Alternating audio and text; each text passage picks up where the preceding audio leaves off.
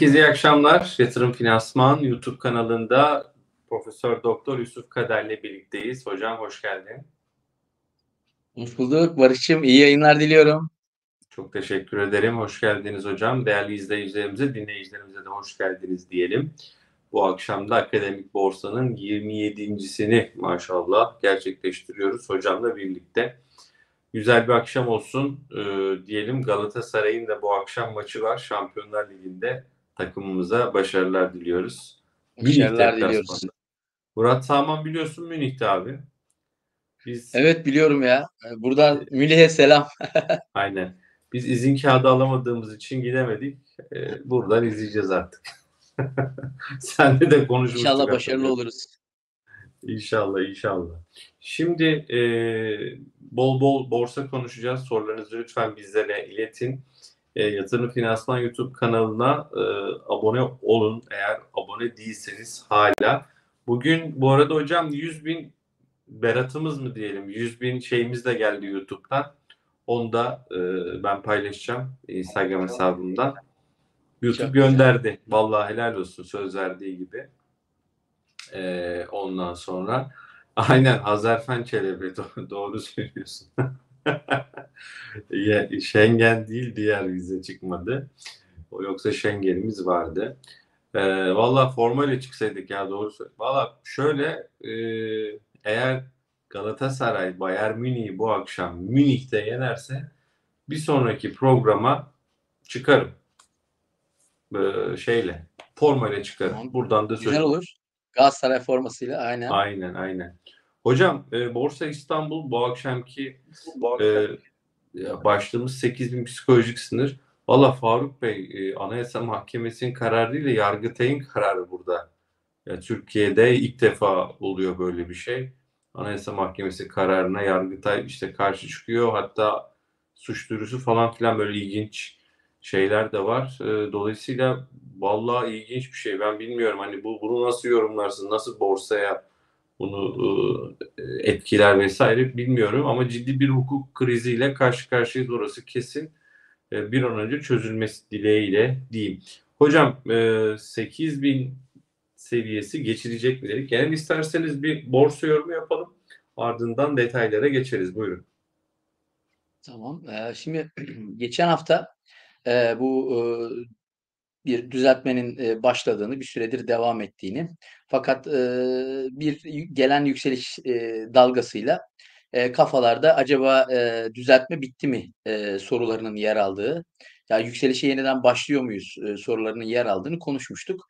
Ve geçen hafta da şunu demiştik. Yani evet borsa bir süredir düşüyor ve birkaç gündür işte yükseliş hareketini başlattı. Ama e, burada e, belirli seviyelere kadar temkinli olmak gerektiğini söylemiştik ve burada 8000'e işaret etmiştik. Yani programın başlığında biz 8000 psikolojik direnci geçilecek mi diye başlık attık. Çünkü gerçekten psikolojik bir direnç. 8000'in altına indikten sonra uzun bir süre 8000'in altında kaldık. Gözler 8000'i aradı. Şimdi e, ben özellikle teknikle başlayayım. Sonra e, genellikle temelle başlayıp teknikle devam ediyoruz. Burada önce teknikle başlayalım. Sonra da biraz e, temel yorum tamam. e, yapalım tekniğin üzerine. Tersinden Hocam, gidelim bu kez. Çok az Şimdi kamerayı ben... ortalamanı rica edeyim bu arada. Ha, ben mi? Evet evet sen biraz ortalayalım. Tabii. Soluna. Ha, şöyle ha. mi? Ha, tamam. Öyle daha iyi değil mi? Daha iyi. Buyurun buyurun. Tamam. Şimdi e, BIST 100'ün grafiğini bir yansıtmak istiyorum. Bakın çok uzun süredir e, devam eden bir yükselen trendimiz vardı. Endeks o yükselen trendi aşağıya geçti ve e, o zamandan bu zamana da e, artık o eski yukarı yönlü ivmeli hareketler yok. Geçen yayında şöyle bir şey demiştim. E, ben düzeltmenin bir süre devam e, hafif aşağı gerçekleşecek. Yani kullandığım ifade birebir buydu. Onu biraz şekillendirmeye çalıştım bugün. Bakın e, grafikte mavi iki mavi çizgi arasında gördüğünüz yerden bahsediyorum. Yani bana göre e, düzeltmenin e, seyrinin nereye evrileceği, ne zaman nereye evrileceğinin bence cevabı burada gördüğünüz e, bu iki tane mavi çizginin arasında e, yatıyor. Çünkü bahsettiğim hafif aşağı eğimli yatay trend bu. Eee, ve burada dikkat edin, alt çizgi bir destek çizgisi.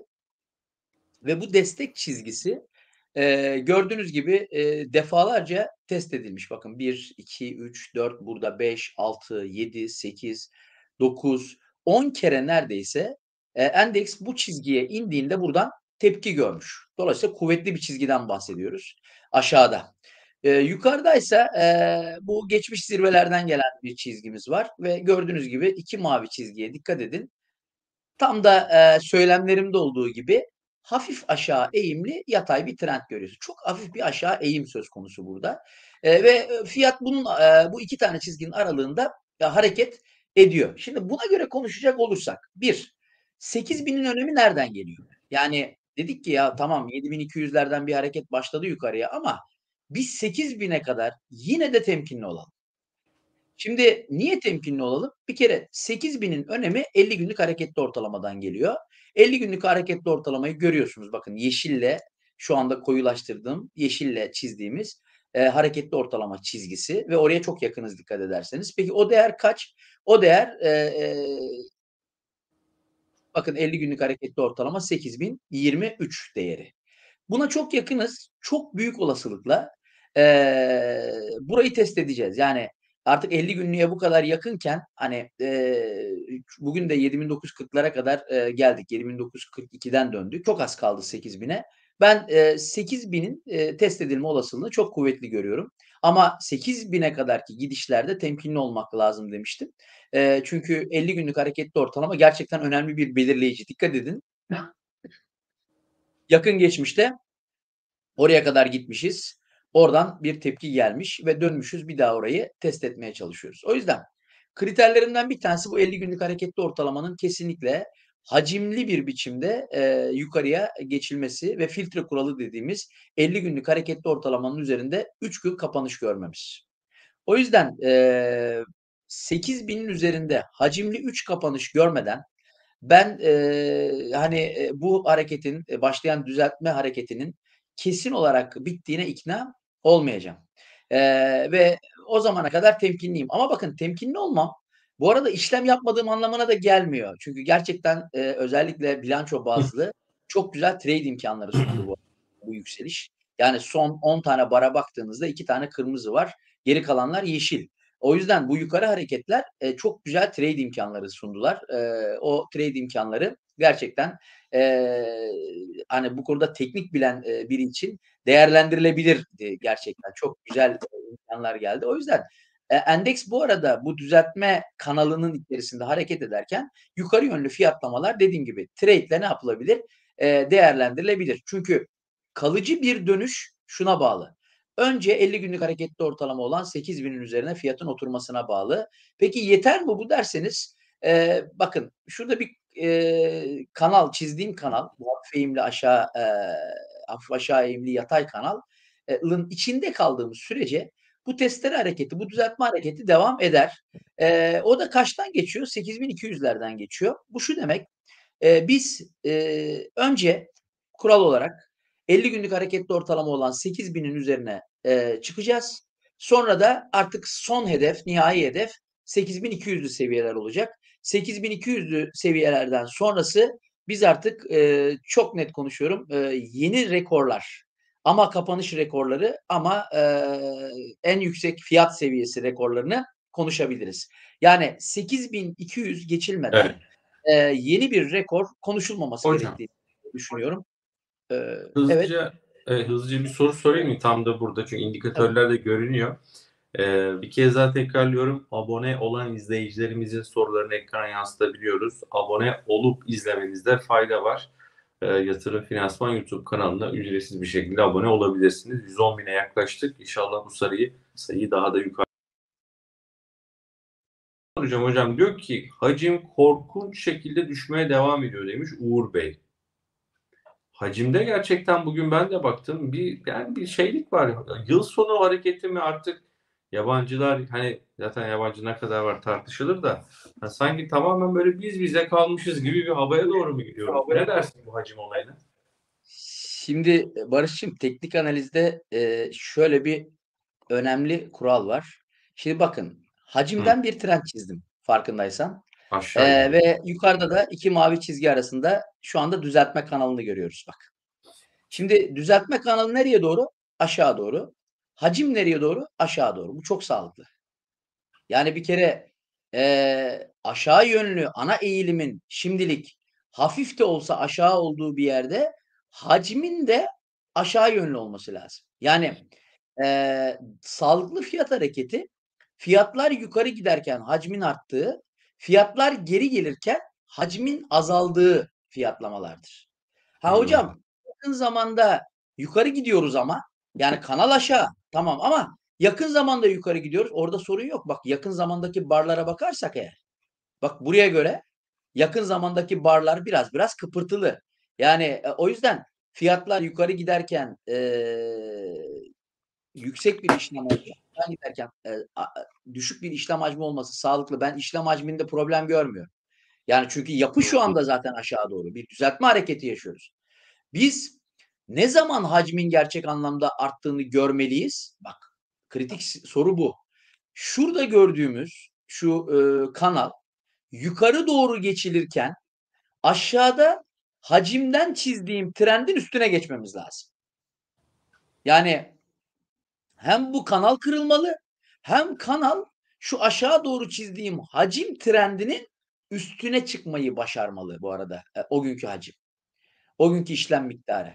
Şu anda onun altındayız ama normal yani. Ben şu anda dediğim gibi bir problem hiçbir biçimde e, görmüyorum. Zaten e, durgunuz. Bir düzeltme hareketi yaşıyoruz. E, durgun ve hacimsiz olmasından daha doğal, daha güzel bir şey e, yok. Bizim hacme buranın kırılışında ihtiyacımız var. Bak göreceksiniz. Eğer bu kanal şurada çizdiğim hacimle ilgili trendin üstüne bir hacim yaratacak şekilde kırılırsa o zaman çok başka şeyler olacak. Yani o zaman bir kere yeni rekorları hemen göreceğiz. 9000'li rakamları hemen telaffuz edeceğiz. Ama daha bu olmadı. İzliyoruz işte. Yukarıda hafif alçalan kanalla aşağıda aşağı gelen e, işlem kanalını birlikte takip ediyoruz. Dediğim gibi bana göre hiçbir problem e, yok. O zaten olması gereken bu. Bu daha sağlıklı e, bir şey. Peki. Ee, hocam biraz e, anlatacağınız yoksa biraz sorularla yine devam edeyim mi? Yani e, tabii şey yorumu ben hani e, özellikle destek ve direnç noktalarını vermedim. Buyurun, E, istersen buyurun. önce birkaç Devam. soru cevaplayalım sonra geri dönelim. Yok hocam buyurun böyle hani interaktif Ha, e, Tamam yani olsun. buraya kadar gelmişken tamam. Hani buraya kadar Mesela gelmişken izleyici diyor ki testere piyasası diyor. E, hacim yok testere piyasası. Ne demek bu testere piyasası hocam? İzleyicimizin testere yatay piyasa demek Barış'ım. Yani Hı e, yatay, Evet. yatay bir bant içerisinde e, zikzak çizmesi demek yani. O da testereye benzediği için e, testere piyasası deniyor. Yani burada da tam bir yatay bant yok. E, dediğim gibi hafif aşağı eğimli ama bakın şöyle baktığımız zaman da bu eğim böyle sert olmadığı için yataya daha yakın olduğu için yani ivmeli sert bir aşağı eğimden ziyade yataya çok daha yakın olduğu için hani buna bir testere piyasası diyebiliriz. Yani bir yukarı gittik, tekrar geri geldik. Şimdi yöneliyoruz tekrar yukarı. Ekrana tekrar grafiği geri y- 7200'lere. Yani bu salının bu kanal içerisinde kaldığımız sürece devam edebilir. Yani ben o yüzden zaten bu kanalın dışına kendimizi atmadığımız sürece, yukarı yönlü atmadığımız sürece düzeltme bitti demem. Ama bu arada o kanalın direnç çizgisine kadar olan yükseliş hareketlerini de değerlendiririm ki değerlendiriyorum bu arada. Yani özellikle gerçekten e, e, bilanço bazlı çok da güzel trade imkanları sunuyor bazı hisselerde. E, bu yükseliş çok güzel imkanlar tanıyor. E, o imkanları biz bu yükselişte değerlendirmeye çalışıyoruz ama temkinliyim. Yani paranın önemli bir kısmı şu an orada e, yatmıyor E, ama trade edebileceğim kadar bir kısmı orada e, duruyor. Ama 8200'den sonra dediğim gibi benim bakış açım değişir. Hele ki az önce bahsettiğiniz o e, yüksek işlem hacmiyle beraber 8200 geçilirse e, çok başka şeyler olur borsada. E, dediğim gibi ne olduğunu anlamadan hızlı bir biçimde önce tarihi zirveye gider sonra yeni rekorlar görmeye e, başlarız eğer böyle bir şey olursa. Ama 8200'den dönersem de şaşırmam. Yani 8200 direnç noktası 8200'den bir geri dönüş olursa bu kanal içerisinde e, biz alçalmaya, düşmeye e, eğim sert olmasa da e, devam ederiz. O yüzden dediğim gibi önce 8000 sonra 8200 benim dikkatlice izlediğim yerler arasında olacak. Hani bu arada direnç noktaları da kendi kendine ortaya çıktı zaten. 8000 50 günlük hareketli ortalama Kanal direnci 8200. 8000 ve 8200 yatırımcıların hareketin devamı halinde yukarı e, yukarıda beklemesi gereken yerler. E, peki aşağıdaki e, destek noktaları ne? Şimdi e, biz önce 5 günlüğün üstüne attık. Çok güzel, kalıcı olduk. Sonra 22 günlüğün üstüne attık bugün itibariyle ve üzerinde kapattık. Bu da iyi. Bütün bunlar 50 günlük hareketli ortalamayı test edeceğimizi neredeyse kesinleştiriyor. Yani şurada gördüğünüz yeşil çizgiye muhtemelen yarın öbür gün gideceğiz gibi duruyor. Ee, ilk önemli e, dirençti. Şimdi destek ne olmuş oluyor bu durumda? 22 günlük hareketli ortalama şu anda kısa vadeli en önemli desteğimiz konumunda. Bu da 7840'lardan geçiyor şu anda. O yüzden yarın e, yatırımcılar dirençleri benden dinlediler. Destek anlamında da önce 7840'a bakacaklar. 7840'tan sonra da 5 günlük hareketli ortalama o da yarın 7800'e dayanıyor artık. O yüzden 7840, 7800 bizim için e, kritik seviye. 7800'ün altına inersek ne olur? Satış baskısı artar ve 7200'lü fiyatlamalara kadar bir geri çekilme yaşayabiliriz. Önce 7400 sonra 7200'lü fiyatlamalara doğru bir e, ivmeli hareket yaşayabiliriz böyle bir durumda. O nedenle 5 günlük hareketli ortalama olan 7800 bölgesine de burada dikkat etmek gerekiyor kısa vadede. Hocam e, hemen bol bol bu akşam soru cevaplayalım izleyicilerimizden. E, tamam Can olur, olur, Profesör olur. Doktor Yusuf Kader'le birlikteyiz. Akademik Borsa yayınımızda. Ee, abone olan izleyicilerimizin sorularını ekrana yansıtıyoruz. Hep hatırlatıyorum. Abone olun. Eğer abone olmadıysanız yayınımızda lütfen beğenmeyi unutmayın. Yayınımızı beğendiğinizde daha sonradan izleyenler de YouTube algoritması bizi daha da yukarıda çıkarıyor onu söyleyeyim. Ee, sert dönüş piyasasına bu kanal dönüşebilir mi diye sormuş Kaan Sarıoğlu. Olursa nasıl olur? Hani e, nasıl bir senaryo olur? Tabii ki senaryodan konuşuyoruz. Bu soru için hocam ne dersin ama grafik üzerinden galiba göstermek. Tabii e, oradan hani oradan devam biraz, edeyim. Bu biraz hani olumsuz bir senaryo diye anlıyorum. Ee, Tabii. Şimdi bakın soruyu, evet. şu haber akışıyla şu beklentilerin üzerinde gelen bilançoyla aslında e, biz alçalacaksak da bu kanala uygun alçalırız. E bunun da zaten bu kanalın dibi 7200 yani e, 7200 görünüyor. Şimdi bak o senaryo Sonra, nasıl oluşur? Sert bir düşüş. Hı. Ha, bak o senaryo nasıl oluşur? Hı. Şurada gördüğümüz, aşağıda gördüğümüz çizgi 8-9 kere denendi dedim. Her evet. seferinde oradan tepki geldi dedim. Bir kere e, teknik anlamda bunun şu kanalın sert bir harekete, aşağı yönlü sert bir harekete evrilmesi şu kanalın alt çizgisinin aşağıya ve hacimli kırılmasına bağlı. Bu da 7200'den geçiyor. Yani sert bir hareket olacaksa, 7000'lerin altına bir hareket olacaksa bunu başlatacak olan seviye 7200'dür. 7200'ün altına hacimli bir geri geliş görmedikçe arkadaşımızın bahsettiği senaryo gelmez. Bunun bir numaralı teknik şartı bu. 7206 sert hacimli kapanışlar. Bunu gördük mü hakikaten ben endeksin 7000'in altına sarkma ihtimalini artık olasılık olarak yüksek bir olasılık veririm. Ama bu şu haber akışıyla olmaz. Yani mali tablolar beklenenin üzerinde geliyor. FK ve PD bölü DD üzerinde aşağı yönlü bir baskı yapıyor. Eğer sert bir harekete dönüşürse bu 7006 demek. Hadi 6500 diyelim. 6500 demek işte neredeyse 4 4,5 arası bir FK demek. 6500 demek BIST 30 FK'sından bahsediyorum. 6500 demek BIST %5 5,5 civarında bir FK demek. Peki bunlar ne demek? E bunlar da e, şu gördüğünüz rallinin ta başına dönmek demek. Yani sanki hiç rally yaşanmamış gibi olması demek. Çünkü bu rallilerin başında BIST 30 FK 4'lerden işlem görüyordu. BIST 100 FK 5'lerden işlem görüyordu. Biz de ucuz diyorduk. Arkasından da rally başladı. Sadece ve sadece 6500'e gitmesi halinde biz başa dönmüş oluruz. Sanki rally hiç yaşanmamış gibi oluruz. O yüzden bu haber akışıyla arkadaşımızın dediği çok zor. Habersiz gel bir şey olması lazım.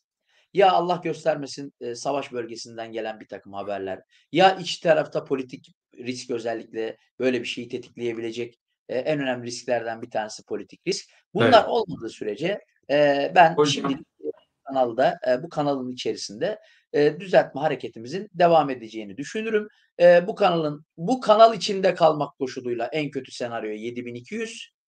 Bu kanal içinde kalmak koşuluyla da en önemli direnç 8.200. Yani Hocam bu kanal Hı hı. 1000 puanlık bir marjı barındırıyor bünyesinde. Evet. Şimdi tabii izleyicilerimiz sıcak gel bence çok önemli bir gelişme bu arada onu söyleyeyim. Hani eee, yani hukuk tarihimizde böyle bir olay e, şu ana kadar yok.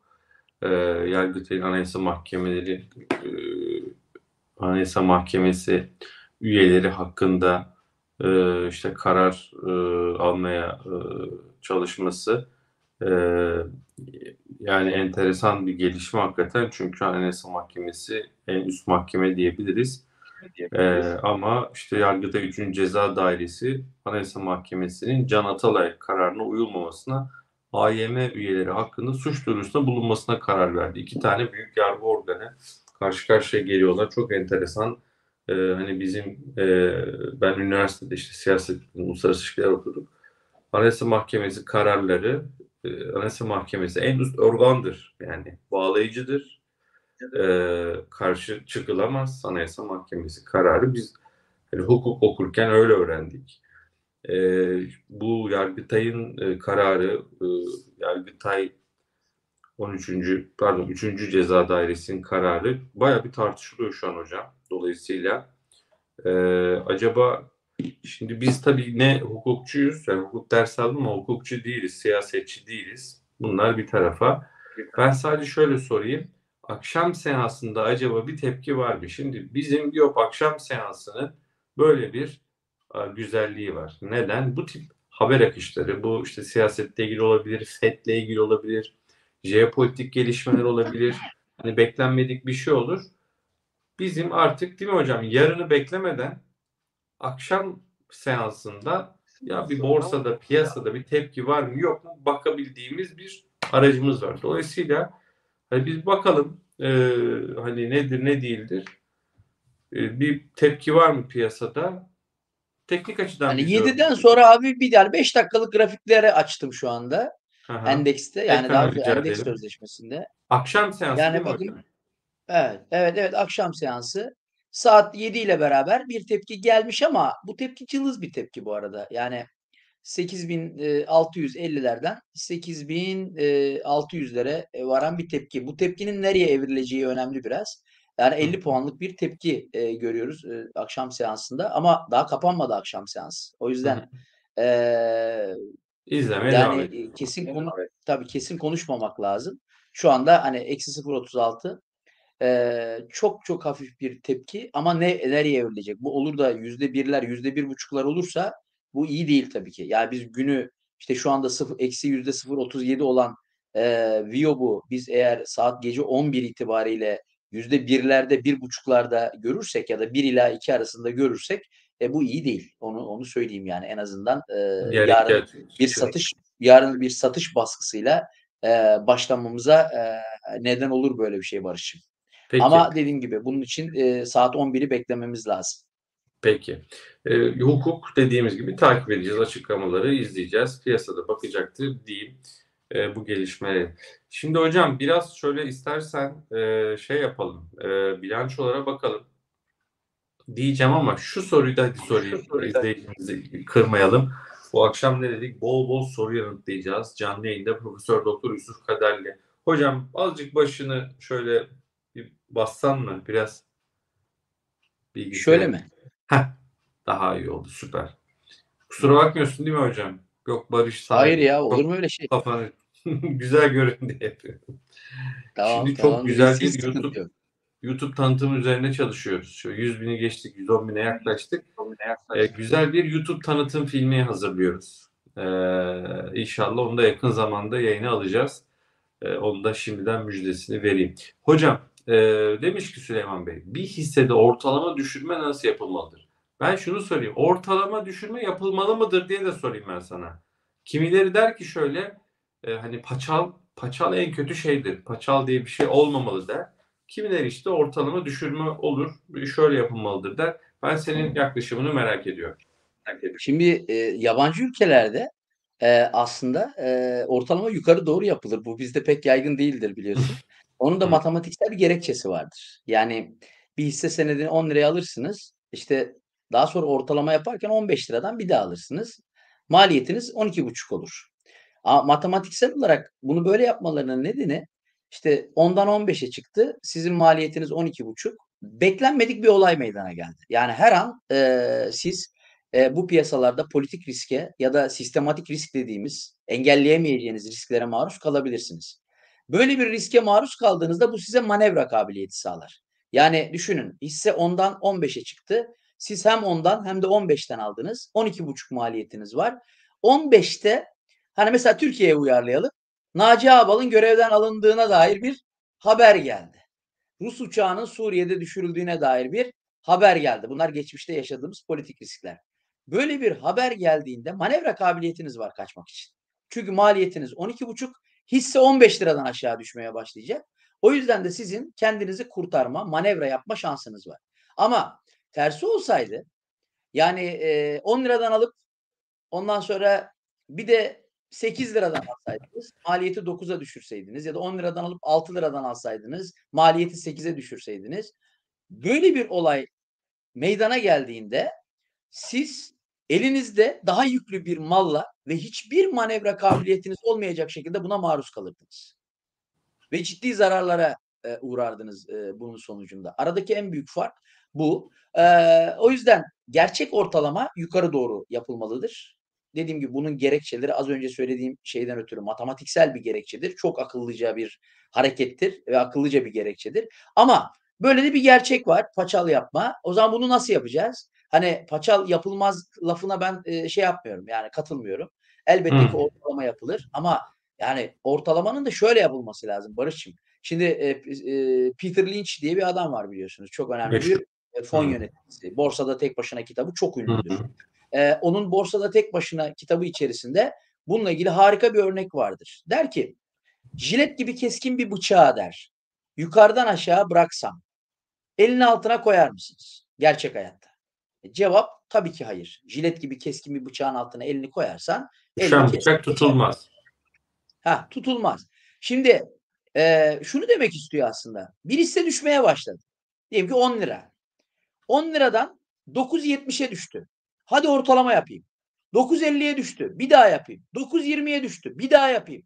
Bahsetmek istediği şey bu olmaz. Bu her seferinde sizi keser. Çünkü paranız sonsuz değil. Ortalama rastgele bir yerden yapılmamalıdır. Ortalama illa da yapılacaksa aşağı yönlü ortalama ne olabilir? Yukarıdan aldınız, yakalandınız, bir düşüş başladı. Aşağıda kuvvetli bir destek bölgesi arayacaksınız. Çok kuvvetli bir destek bölgesi. Diyelim 10 lira bakıyorsun ya aşağıda öyle bir yer var ki 7 lira. Bir türlü kırılmıyor aşağı. Çok kuvvetli kendini göstermiş. Hep oradan tepki gelmiş. 10 liradan sonra ilk alacağınız yer 7 lira olmalı. Böyle yaptığınız zaman iyi bir ortalama yapmış olursunuz. Çünkü zaten arkasında yine bilim var, akıl var. Çok kuvvetli bir yer. Kolay kolay kırılmayan bir yer. E, arada da bir fark var. 10 lira 7 arasında 8,5'a düşürüyorsunuz. Maliyetiniz bir anda ondan 8,5'a düşmüş oluyor. Gerçekten de o destekten bir tepki gelirse kısa süre içerisinde zaten başa baş noktana ne yapabiliyorsun? Gelebiliyorsun. Bir yöntem bu. Eğer destek dirençlerin e, ne kadar e, işte etkili olduğunu tespit edemiyorsan o takdirde Fibonacci sayılarını kullanabilirsin. Yani Fibonacci düzeltme seviyeleri diye bir şey var. Fibonacci çizgini çizersin. Yukarı bir hareket başladıktan sonra geri çekilmeler söz konusu olduğunda o geri çekilmelerin hangi duraklarda durma ihtimali olduğu Fibonacci e, düzeltme çizgileri, geri çekilme çizgilerinde zaten e, düzeltme seviyelerinde, Fibonacci'nin düzeltme seviyelerinde belli. Oraya e, riayet edersin. Oraya o disiplinli bir biçimde yaklaşırsın ve Fibonacci'nin o düzeltme seviyelerine fiyat indiğinde, geri geldiğinde ortalamalarını oradan yapmaya çalışırsın. Çünkü o bölgeler de aynı zamanda tepkinin gelme ihtimali olduğu bölgeler. Bu daha bilimsel, daha gerçekçi. Hem de e, fiyatla maliyeti birbirine yakın tutar e, böyle bir durum. O yüzden e, siz bunu topladıktan sonra, ortalamanızı yaptıktan sonra ilk tepkide e, tekrar paranı kurtarma ihtimalin kuvvetlenir. Yoksa düştükçe rastgele bir yerden ve arka arkaya ortalama yapmak çok tehlikeli bir şeydir. Onu söyleyeyim. Hımm. Paranız Peki. kalmaz. Siz de, eee, bütün, eee, hisse senetlerinizle, piyasada yakalanmış, tabiri caizse yakalanmış olursunuz. Ondan sonra da durumu düzeltmek için epey bir beklemeniz gerekebilir böyle bir durumda. Peki. Eee, valla bilançoyla ilgili Ahmet Bey, Ahmet Kaan, Bey şöyle, eee, 3 saatlik yayın. Bugün, eee, hocamla da, ııı, perşembeden çarşambaya aldık yayını. Hocam bu arada Twitter'da eğer retweet yapmak istersen yayınımızı bizim Tabii. yatırım finansmanı yapmıştık ama benimkini yaparsan, eee, bir tur daha, ııı, haber vermiş oluruz izleyicilerimize. Tamam. Eee, 3 saatlik yayını hocam bilançolar bittikten sonra yapalım dedi. O yüzden oraya Tabii. saklıyoruz inşallah. Yani arkadaşlar orada da niyetimiz sizsiniz. Biz 3 saatlik yayını söz Hı verdik. hı. Sözümüzü Hı hı. verdiğimiz için de sonuna kadar arkasındayız sözümüzün. Ama size faydalı olması açısından bütün bilançolar gelsin. Orada, eee, hem, eee, 3 saatlik bir yayın olduğu için hem ben beğendiklerimden bahsedeyim hem siz sorun, Hı hı. eee, biz cevap verelim. Eee, ondan dolayı, eee, o bütün bilançolar tamamlandıktan sonra ki bunların tamamlanmasına da çok bir şey kalmadı biliyorsunuz. Bütün bilançolar tamamlandıktan sonra, eee, böyle bir şey, eee, yapalım. Bir de dinlenmiş olarak gelelim. Barış'cığım Ben senin sayfanda değil mi şey, eee, Evet, yaptığın? evet, evet. Ben seni e ekledim ama görmüşsün. Yo, Sen benim bana düşmedi de ondan dolayı hemen ben Allah, bir enteresan. bakayım. Evet, şu anda mi 1 dakika önce hemen onu yapıyorum. Tamam, Tamam. retweet ettim bunu da. Şey, eee, şöyle bir de hocam dinlenmiş olalım. Ben de 3 gündür biliyorsun Denizli'deyim. Hatta seninle, eee, fırsat olmadı ama görüşemedik. Bu sabah geldik. Eee, Denizli'de hem sanayi odasında hem de Denizli Barosu'nda. Çok Evet, ilginç. ayağınıza sağlık. Valla Denizli Barosu'nda yaptık etkinliği hocam. Avukat meslektaşlarımız diyelim. Onlar birbirine meslektaş diye hitap ediyor çok güzel bir şekilde.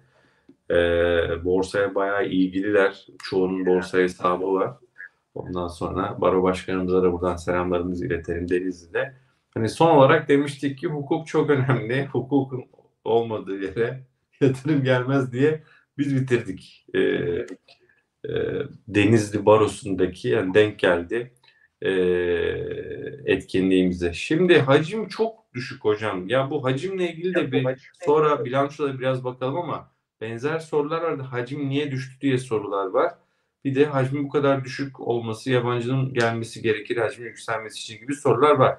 Valla yabancı olmadan da biz bayağı hacim yapıyorduk biz bizeyken ama yani bu, Evet. bu konuda bilmiyorum ne dersin? Bir tur daha yorum yapmak ister misin?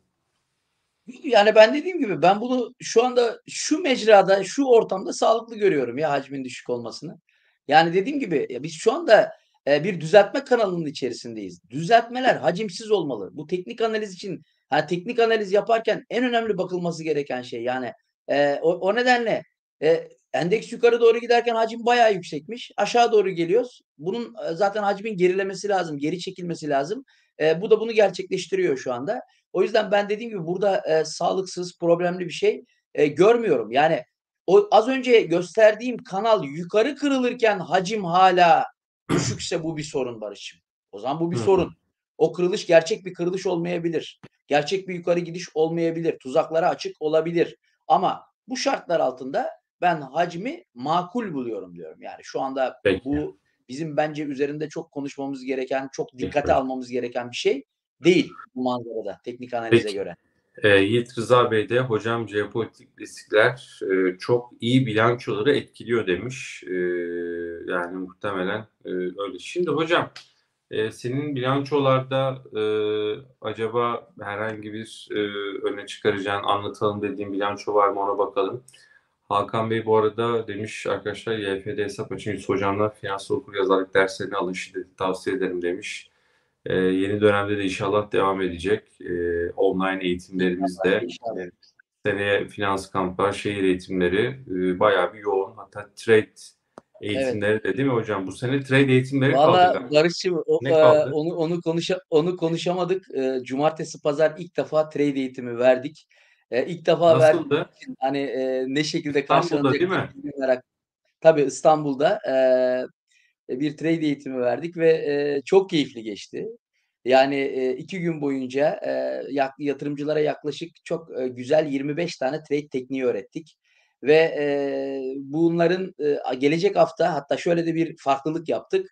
Eee, bu öğrettiklerimiz, bu öğrettiğimiz tekniklere uyan ve haftaya trade etme imkanı sağlayabilecek 7-8 tane de şirketten bahsettik. Açtık. Bakın size şöyle bir şey yapıyoruz böyle bir teknik.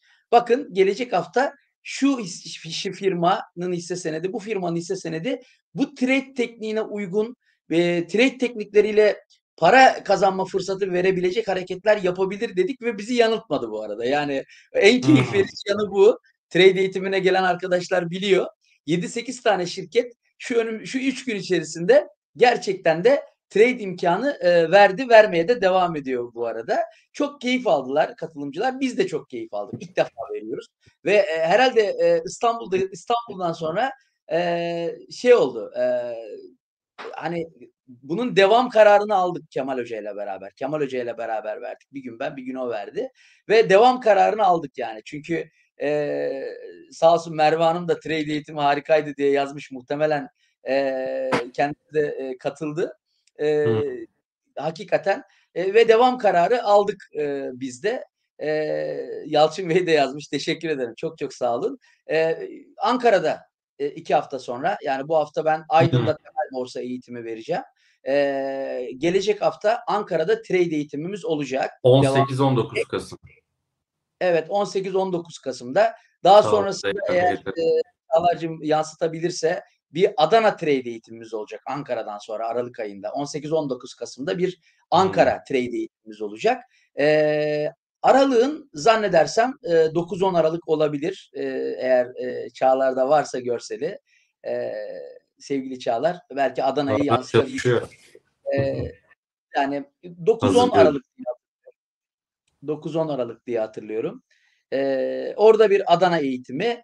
Ondan sonra da zannedersem 16-17 Aralık bir hafta sonra İzmir trade eğitimi olmak üzere toplam 4 tane trade eğitimi. İstanbul'u e, bitirdik. Ee, ve e, Adana 9-10 Aralık. evet Adana 9-10 öbürü de e, bir hafta sonra olacağı için 16-17 Aralık olacak İzmir eğitimi. 3 tane daha kaldı yani. Eğer katılmak isteyen olursa e, memnuniyetle e, bekleriz. E, Halil Bey e, İstanbul'dan Adana'ya gitmek lazım. Kebap da var diyor trade'le beraber. Bekleriz tabii hakikaten. Hayatımda yediğim en güzel kebaplar kebabın memleketi Adana'da. E, Ya inşallah. bu arada benim memleketim biliyorsun Kastamonu. Ee, e, Emre Aycan'la da Emre Bey'le de konuştuk yani Kastamonu'da bir şey yapmayacak mısınız diye. İzmir bu arada 16-17 Aralık. Ee, bir kez daha tekrarlayalım. Valla finans kamp olmasa da ben Kastamonu'da bir etkinlik yapmak istiyorum memleketimde. Ee, ticaret sanayi odası, borsaya meraklılar. Böyle seneye benim hedeflerimden bir tanesi benim memleketimde memleketime bir bir, bir şey yapmak yani o içimde çok inşallah Belki bir temel yaparız. borsa eğitimi koyabiliriz Barış'ım. Şimdi planlıyoruz ya şeyi biliyorsun. Ha, evet, yeni evet. yılı. Yani yeni yıl kapsamında e, zaten birlikte istişare ederek şehirleri belirliyoruz biliyorsun. Tabii. E, tabii. yani gönlünde kalmasın. E, biz- de senin en azından bu hedefini e, gerçekleştirmene yardımcı olmuş oluruz. E, Kastamonu'da belki bir temel borsa eğitimi yapabiliriz. Hani ummadığımız Vallahi. taş baş yarabilir. E, bakarsınız Kastamonu'da çok ciddi bir temel borsaya talep e, gelebilir. E, deneyebiliriz en azından yani. Peki. Beraber Şimdi karar veririz inşallah. sağ olun. Ee, Değerli hocam biraz e, bir bilanço bakalım ister misin? Mesela Petkim geldi bugün. Beklentinin üzerinde diye. Ee, istersen ona bakalım ya da senin e, bu dönemde o uzun yayın öncesi öne çıkan e, gözüne takılan iyi bilançolar varsa onlara bakalım. Ben sana bırakıyorum. Tamam. Şimdi önce istersen Petkim dediğin için bir Petkim'e ben de bakmadım Tamam. bu arada. Beraber bakalım hızlıca. Tamam. Ee, yansımıştır e, buraya. Ee, hemen bir e, göz atayım. Tamamdır. Mesela ilk baktıklarında hocam bu bu yayınlarınız biliyorsun aynı zamanda bir finansal okuryazarlık eğitimi de oluyor. Yusuf Kaderli bilançoyu açtığında hani Barış bak buna bakıyorum. Burası önemli ve anlatı anlatı zaten hocam Hemen bir gelir oluyor. tablosu performansına evet hemen bir gelir tablosu buyurun, performansına bakalım önce Barış. Üç tane kalem benim için e, önemlidir. Ee, hasılattaki artış, esas faaliyet karındaki artış ve e, net kardaki artışı şöyle bir göz atmak isterim. Şimdi e, baktığımız zaman e, bir kere Petkim geçen yılın aynı dönemine göre hasılatını düşürmüş. Yani 39 milyardan 32 milyara bir e, geri gelişi var. Bir kere hasılat düşürme iyi bir şey değil. Yani niye iyi bir şey değil? Bir kere hani e, ortalamaya bakarsak e, ortalamada birçok şirket hasılatını arttırmış. Çünkü enflasyon var. Yani enflasyonun olduğu bir ortamda siz ürünün birim olarak aynısını bile satsanız yani 100 birim sattınız geçen sene bu yıl da 100 birim sattınız. Yine de hasılatınız daha yüksek çıkar. Aynı birimi satmanıza rağmen. Çünkü enflasyon var. Sattığınız fiyatlar farklı. Yukarı yönlü olmuş olması lazım. Bu bile arttı. Buna rağmen bakın enflasyona rağmen hasılatı düşürmüş olması aslında iyi bir şey e, değil. E, tabii yıl sonu nihai bir şey değil bu. Yani bir, bir çeyrek daha var. O çeyrekte hı hı. durum değişebilir. E, ama 9. ay itibariyle hasılatın düşüyor olması çok da iyi bir şey değil. Esas faaliyet karı çok sert düşmüş. 3.8 milyarda 600 milyona düşmüş. Bakın esas faaliyet karı. Yani biz artış arıyoruz, artış bekliyoruz. Ama geçen yılın aynı dönemine göre 3.8 milyar olan esas faaliyet karı 605 milyara düşüyor. Bu FAVÖK'te de düşük demek, düşüş demek aynı zamanda. E, FAVÖK'ünü de bugün hesaplamaya kalksak e, FAVÖK'te de sert bir düşüş görmüş olacağız. FAVÖK marjında da sert bir düşüş görmüş olacağız. Öyle görünüyor. Ve dönem net karına baktığımızda evet kar açıklamış ama geçen yılın aynı döneminin yarısından daha az kar açıklamış. Düşünün. Yani Hocam e, doğru yere mi bakıyoruz doğru acaba? Yere mi bir kontrol edelim. Evet şuraya. Ee, pardon. Doğru yere bakıyoruz şu anda. Dönem karından e, ana ortaklık paylarına düşen bakın. Geçen senenin aynı dönemi 5.7 milyar kar. Bu yıl 9 aylık 2.7 milyar. Yarısından daha az. Yani tamam. piyasa e, beklentisinin üzerinde ama galiba değil mi? Şöyle o ayrı bir şey. Yani piyasa zaten e, atıyorum 2.7 milyar bile beklemiyordu. Piyasa hmm. daha aşağıda bir şey bekliyordu. 1.1 yani, galiba bekliyormuş. Kaç? 1.1 milyar TL anladım bir, kadarıyla. Tabii yani 1.1. Tabii 1.1 e, ama e, 1.1'e göre 2.7 iyi. Beklentiye göre iyi, geçen seneye göre kötü. Hmm. Tabii. Yani geçen seneye göre kötü net. Ama e, beklentiye göre iyi. Ama geç, bu sene kötü bir performans bekleniyordu ondan zaten. Ama kötüden yani kötünün iyisi olmuş bu arada. Yani çünkü geçen hmm. seneye göre kötü. Yani esas faaliyet karınız neredeyse geçen yıl 4 milyar 600 milyona düşmüş. Bıçak gibi kesilmiş yani. Ve bunun ana nedeni ee, satışlardaki e, hasılattaki düşüş oranıyla hasılattaki düşüş oranıyla satışların maliyetinin e, deki düşüş oranı e, has, ha, hasılatın aleyhine. Yani e, hasılat e, çok e, daha bir şey oranda, daha e, düşük bir oranda e, azalıyor hasılat. Ama e, şeyde e, maliyetler e, Hocam ona göre bir de bir önceki evet. çeyreğe göre karşılaştırabilir miyiz? Hem e, faaliyet karını bir, bir, hem FABÖK. Hemen burada burada bakalım. Bir önceki çeyreğe göre nasıl? Bir önceki çeyreğe göre 9 milyar e, pardon 6 getireceğiz buraya. Evet şuraya 6 getirelim hemen. Bir önceki çeyreği getirdim. 19'dan 32 bir önceki çeyreğe göre. Hmm. 19'dan 32'ye çıkarmış. Yüzde 80-85'lere varan bir artış yani birebir bire bire yakın tam birebir değil birebir olması için 39-40 olması lazım. E, faaliyet şeye bakalım esas faaliyet karına bakalım. E, 3,5'muş 5,5 olmuş. Yani e, o çeyrekte 3,5 faaliyet karı yaratırken e, bu çeyrekte 2 faaliyet karı yaratmış. Toplam 5,5'a ulaşmışız bu arada. Ya yani bu çeyrek öteki çeyreğe göre kötü bu arada. E, hasılatta da öyle bu arada. Yani birinci e, ikinci çeyrekte e, 19 bakalım.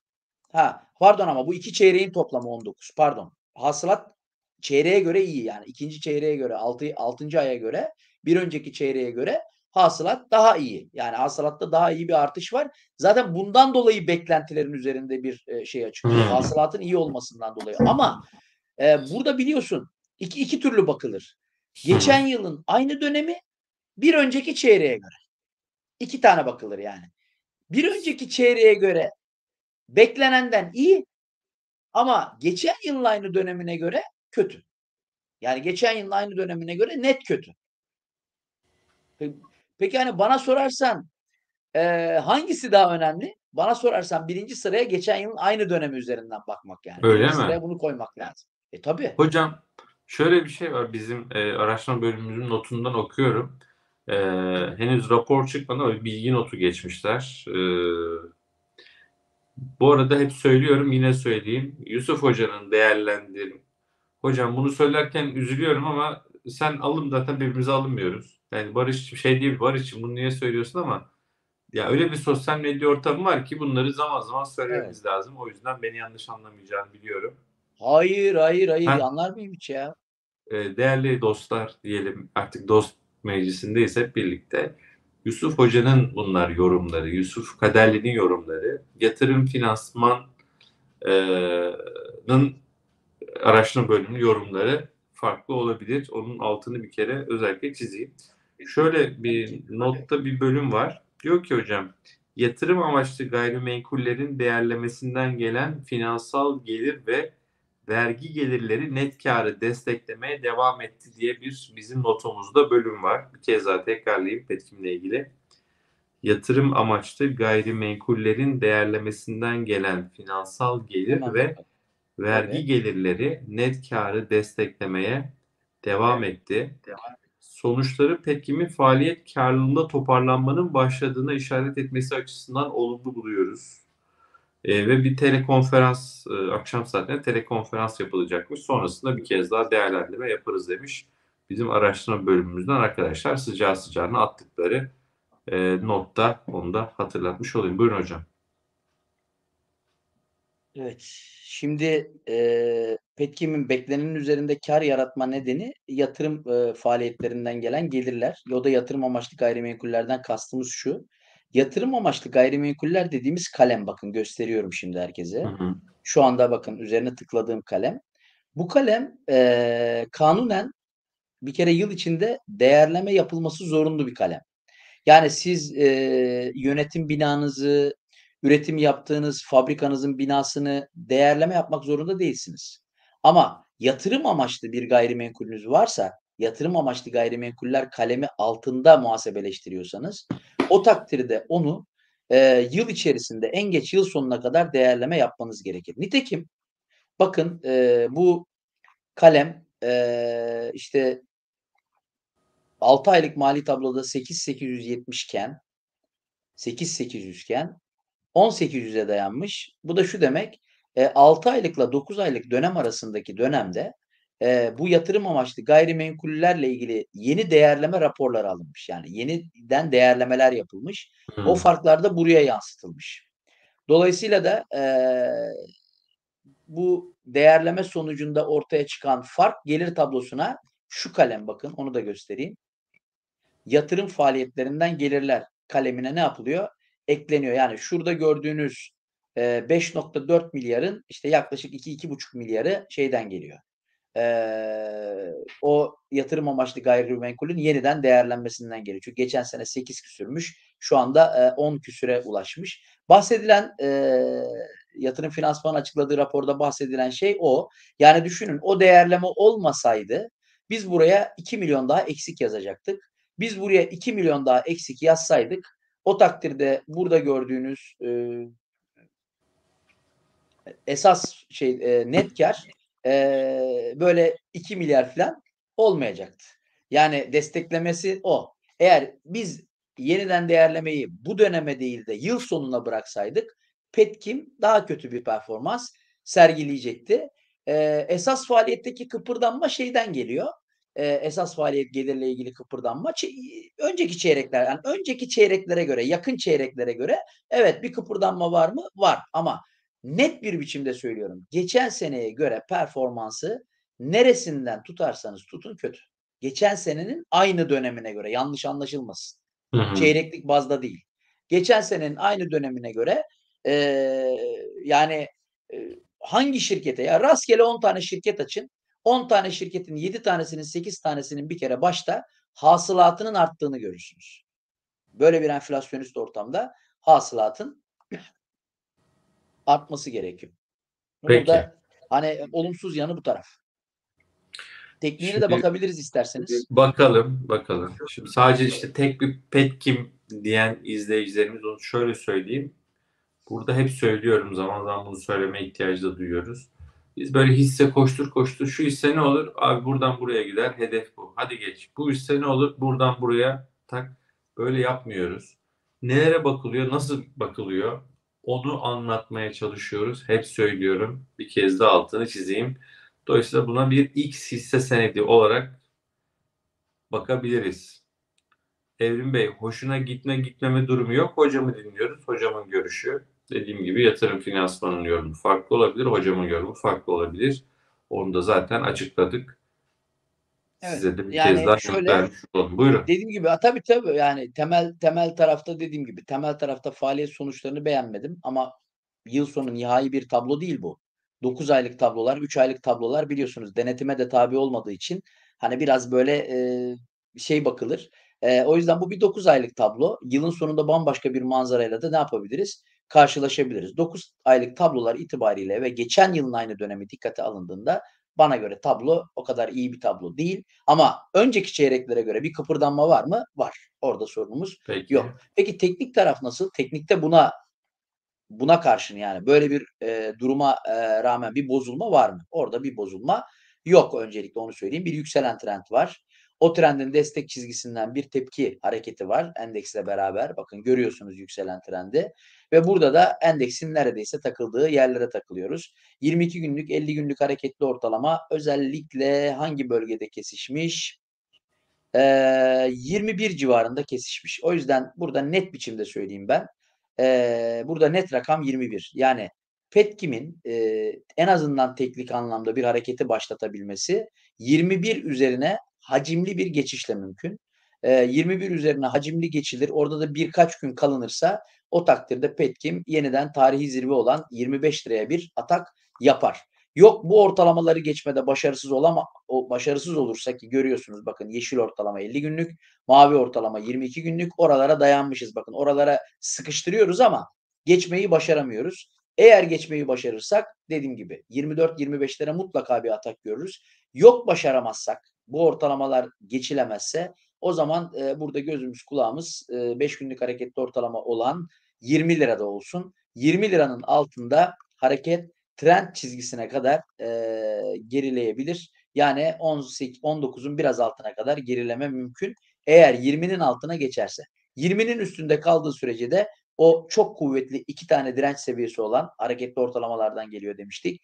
21'i mutlaka zorlayacaktır test etmeyi, geçmeyi deneyecektir. E, 21 geçilmedikçe yukarı yönlü bir şey olmaz. Eğer 20 aşağı kırılırsa da ta 18 TL'li fiyatlamalara kadar kısa Peki. süreli bir geri çekilme e, gerçekleşir. Ee, Emlak Konut GEO sormuş arkadaşlar. Ee, rica etsem böyle çok nazik olan izleyicilerimizi biz de kıramıyoruz. Ama şunu söyleyeyim yani 1200'e yakın kişiyiz. Hepsini aynı anda yanıtlayamıyoruz. Yani bunu herhalde anlayışla karşılarsınız. Ee, onu da bir kez daha söyleyeyim. Bir emlak konut GEO bilançosu geldi mi Çağlar da bana yardımcı olsun. E EKGEO Bilançosu geldi emlak konutun. geldi mi hocam? Tamam. Geldi, geldi. Bir gözümün ucuyla bakmıştım. Şimdi de gene üzerinde duralım. Geçelim. Ee, bir kere geçen yılın aynı dönemine göre hasılat e, Bugün gelmiş. Evet. yüzde yüzden fazla artmış. Yani geçen yılın aynı dönemine göre iki katından fazla bir hasılat görüyoruz. Ee, bu güzel bir şey. Ee, bu arada e, Ekrana yansıtalım Çağlar. evet hasılatta yüzde yüzü aşkın bir artış geçen yılın aynı dönemine göre. Esas faaliyet karında çok bir değişme söz konusu değil. Geçen yıla göre bir artış var. Yaklaşık 500 milyonluk bir artış. Yani yüzde e, on- 15'te yüzde 20 arası bir artış e, söz Tabloya konusu. Ee, Çağlar. evet, Çağlar. artış söz konusu. Tamam. Ve e, şöyle söyleyeyim. Net kâra baktığımızda yüzde gene yüze varan yani 2, 2 milyar 88 milyon olan net kar 3.800'e dayanmış. Neredeyse 4 milyar diye kabaca konuşursak 2 milyardan 4 milyar yani %90'lar civarında da bir net kar artışı var. Ee, bunun e, iyi bir şey olduğunu e, söyleyebilirim e, gönül rahatlığıyla. Özellikle de e, işte hasılat %100 artarken e, net kar %100 artarken esas faaliyet karı neden %100 artmamış da %15, %20'lerde kalmış? Bunun en önemli e, nedeni e, e, genel yönetim giderlerindeki e, devasa artış. Yani bunlar %100 artarken genel yönetim giderleri 3 katından daha fazla artmış. Yani 500 iken 1717 olmuş. 3 katından daha fazla. Düşünün. E, 1500 olsa 3 katı yapıyor. 3,5 katı. Yani genel yönetim giderlerinde çok ciddi artış nedeniyle esas faaliyet karındaki artış güdük kalmış, düşük kalmış. %15'lerde kalmış, %20'lerde kalmış ama hasılat ve net karda e, dediğim gibi e, belirgin bir biçimde e, bir artış söz konusu. Bunu iyiye yormak e, lazım e, tek temel tarafta. Peki teknik tarafta durum nedir? Hemen bakalım. Bu arada bugün e, Çağlar attı. Sağ olsun. Bugün gelen büyük bilançolardan Pegasus, Sabancı, Alarko ve Enka. Enka var. E, EKG ile birlikte. EKG Buyurun hocam. Birlikte. Buyurun.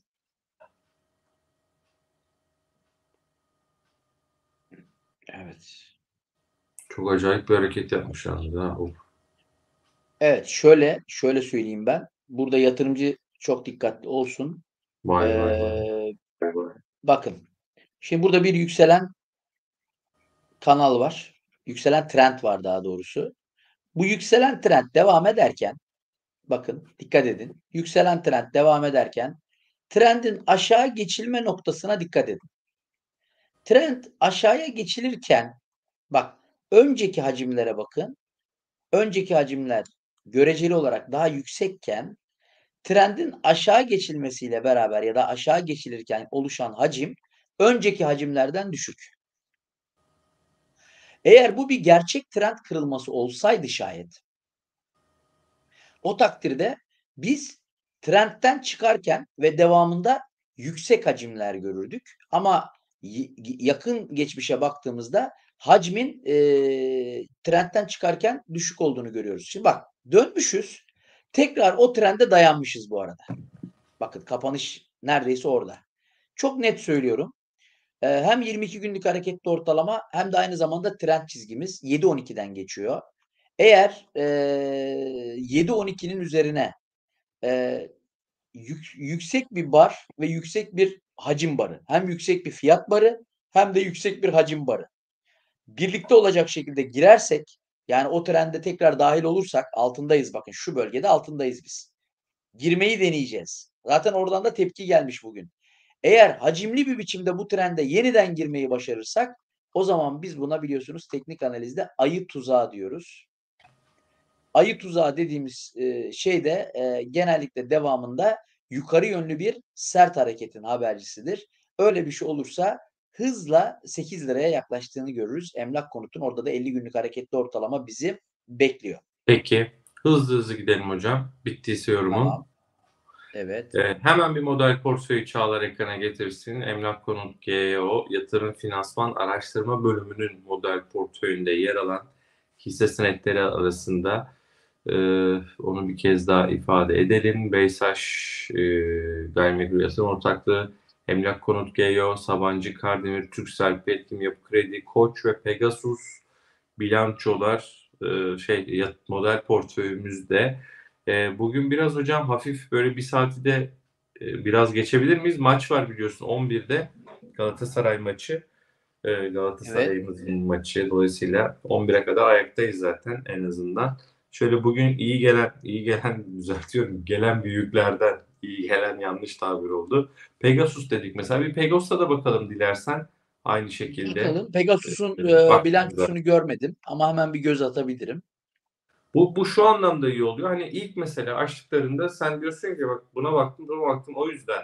Hani bunları... Ben önce yani şöyle yani normalde Neye bilançoyu tabii ki bilançoda? Bilançoyu çok kapsamlı dipnotlarıyla beraber analiz etmek lazım. Yani ben normalinde şöyle yapıyorum bak. Benim çalışma biçimim daha dijital de değil. Ben gidiyorum eee, bilanço dipnotlarıyla beraber çıktıyı alıyorum ilgilendiğim hisse senetlerinin. Elime de bildiğiniz o eski usul fosforlu kalemi alıyorum. Ondan sonra oturuyorum. Kağıt üzerinden fosforlu kalemlerle önemli bölgelerin üstünü çizerek öyle çalışıyorum. Önemli gördüğüm ama satır satır okuyorum. Yani bir bilanço Hı. böyle analiz edilir. Ha bu ilk bakış yani. Şu anda bir Tabii. ilk bakış o yani. İlk bakış. Hasılat çok önemli bir şey. Çünkü hani motor hasılat bu arada. Hani eee, büyüme e, biraz bununla alakalı. Her şeyi besleyen da, ana damar yani. Hani eee karı besleyen, esas faaliyet karını besleyen, ondan sonra ödememiz gereken borçları ödememizi sağlayan, eee, işte ödemelerde ya da bir mal tedariki için paraya ihtiyaç duyduğumuzda bunun kolay bunu kolaylaştıran yani ana damar e, çok önemli hasılat. O yüzden hasılattaki artış esas faaliyette kar, karındaki artış. Çünkü asıl işimizden ne kazandığımız e, çok çok önemli. Tabii bir de net kar ve net karın kalitesi. Yani net kar ne- nereden oluşmuş? Net kar her zaman esas faaliyetten oluşmayabilir. O dönem bir arsa satmışsınızdır. O dönem bir finansal duran varlığınızı satmışsınızdır. Eee, dolayısıyla da oradan oluşmuş tek seferlik bir e, gelir söz konusu olabilir. Detaylı incelemek lazım ama ilk bakış ben önce hasılattaki artışa, sonra esas faaliyet karındaki, sonra net kardaki artışa bakarım. Burada da bir artış arzu ederim. Şimdi eee, Alalım bakalım ekrana. Pegasus. hemen o dediğim bölgelere bakarsak bu bir havayolu şirketi zaten. Evet 30 milyardan geçen yılın aynı dönemine göre 51 milyara çıkmışız. Yani yüzde eee, 66'lık bir artış söz konusu. Eee, hasılat tarafında. Eee, bu da eee, geçen yıla göre daha iyi bir brüt kar eee, yaşamamızı sağlamamızı neden olmuş. Evet bakalım esas faaliyet karına. Şimdi hasılat yüzde 60 artmasına rağmen esas faaliyet karı yüzde 90 artmış Barış. Eee, bu iyi bir şey. Bu iyi bir şey. Eee, bu en azından gelirlerdeki artışlarla eee, ilgili dönemin giderleri, eee, özellikle esas faaliyet giderleri arasındaki artış dikkate alındığında Çeyreklik gelirlerdeki artışın baskın Değil tabii hocam? baskın Esas- çıktığı e, anlamına gelir. Eee, o nedenle de bakın geçen yılın iki katı bir e, ne görüyoruz? Geçen yıl aynı dönemin iki katı bir esas faaliyet karı görüyoruz. Eee, Çeyrekten çeyreğe baktığımızda hocam da ciddi bir fark var mı? Öyle gözüküyor ama bende. Ben de bu arada önündeki Okey. ekrandan bakmaya çalışıyorum. Esas faaliyet kârda çeyrekten çeyreğe bayağı bir fark var galiba. Yani şöyle zarardan kâra geçiyor. 300 milyar zarardan 12 milyar kâra geçiyor. Olmaz mı hiç? Yani 6 aylık e, pardon pardon pardon Yok, ben yanlış şey 2.3'ten açmışım. Yanıltmayalım. 2.3'ten Pardon ben sanırım 22 iki- 2022'yi açmışım Barış. Ha. 2022'yi açmışım. Düzelttim şimdi. Ee, seyirci görüyordur. Ee, Haziran 2023'ü açtım. Bakın buradan bahsediyorum. tamam. 2.3 milyardan 12. 12.2. 25 milyar. Yani neredeyse eee 5'e katlamış. 5'e katlamış. Yani eee, çeyreklik eee, döneme göre eee, bir 5'e katlama söz konusu. Eee, oldukça iyi. Eee, bu arada geçen yılın aynı dönemine göre zaten iki kat iyi. Hmm. Eee, ve hasılat %60 olmasına rağmen esas faaliyet karında %100'lük bir artış var. Eee, gelelim eee, net kâra. Eee, o da eee 3'e katlamış. Eee, oldukça güzel. Tam arzu ettiğim şey, eee, şunu arzu ederim ben daha çok. Şunu ararım. Hasılattaki artıştan Değil mi eee, hocam? bak, 9 hasılattaki milyar artışa gibi. efendim? 9 milyar e, toplamda gözüküyor. Evet. Hisse başı 90 lira falan kâr açıklamış dostum. Çok mu iyi? His- Bir hisse bir başı izleyicimiz 90. şey demiş. Şey de e, şöyle demiş hocam. Muhammed bilanço hepsi için darphane Sabiha'ya göçene taşımış gibi demiş. E, şöyle bir yorum da var. Yani Yalnız hocam şöyle hisse başına 90 lira, hisse başına 90 lira iyi bir rakam. bu arada çok Eee, güzel bölüyorum ama şu yorumu da okuyayım. estağfurullah. Her- Şimdi Evet. beğenen izleyicilerimiz de var. Ya o kadar iyi olmayabilir mi diyen izleyicilerimiz de var. Dolayısıyla çok güzel izleyicilerimizin katılımı. Bir kez daha tekrarlıyorum. Canlı yayındayız. E, Profesör Yusuf Kaderli ile abone olan izleyicilerimizin sorularını da ekrana yansıtıyoruz. Lütfen abone olun hala olmadıysanız bir kez daha tekrarlıyorum. Abone ol tuşuna basmanız yeterli. Onlardan bir tanesi Muhammed Bey demiş ki Pegasus'ta Euro bazlı senelikte düşüş var. TL bazlı yükselmiş ama Euro bazlı düşmüş. Bunu nasıl okuyacağız? Mesela Türk Hava Yolları dolar bazlı FAVÖK e, ve karını yüzde 20 artırmış diyor. Şimdi izleyicimiz böyle yazmış. Ben bilmiyorum yani bu bilgilere Bakmamız değilim. lazım. Bir Yani ben de lazım. şu anda euro bazlı ya da dolar bazlı eee, geçen yıla göre nasıl değişmiş buna oturup bakmamız lazım. Pegasus da benim eee, özellikle eee, hani ben biliyorsun özellikle aynı sektördeki iki şirketle birden ilgilenmiyorum hiçbir zaman. Eee, ama onu da düzelteyim tabii. Eee, şöyle eee, kastım şu. Mesela TAV Havalimanları Türk Hava Yolları. Bunun bir portföyde olmasında bence bir mahsur yok.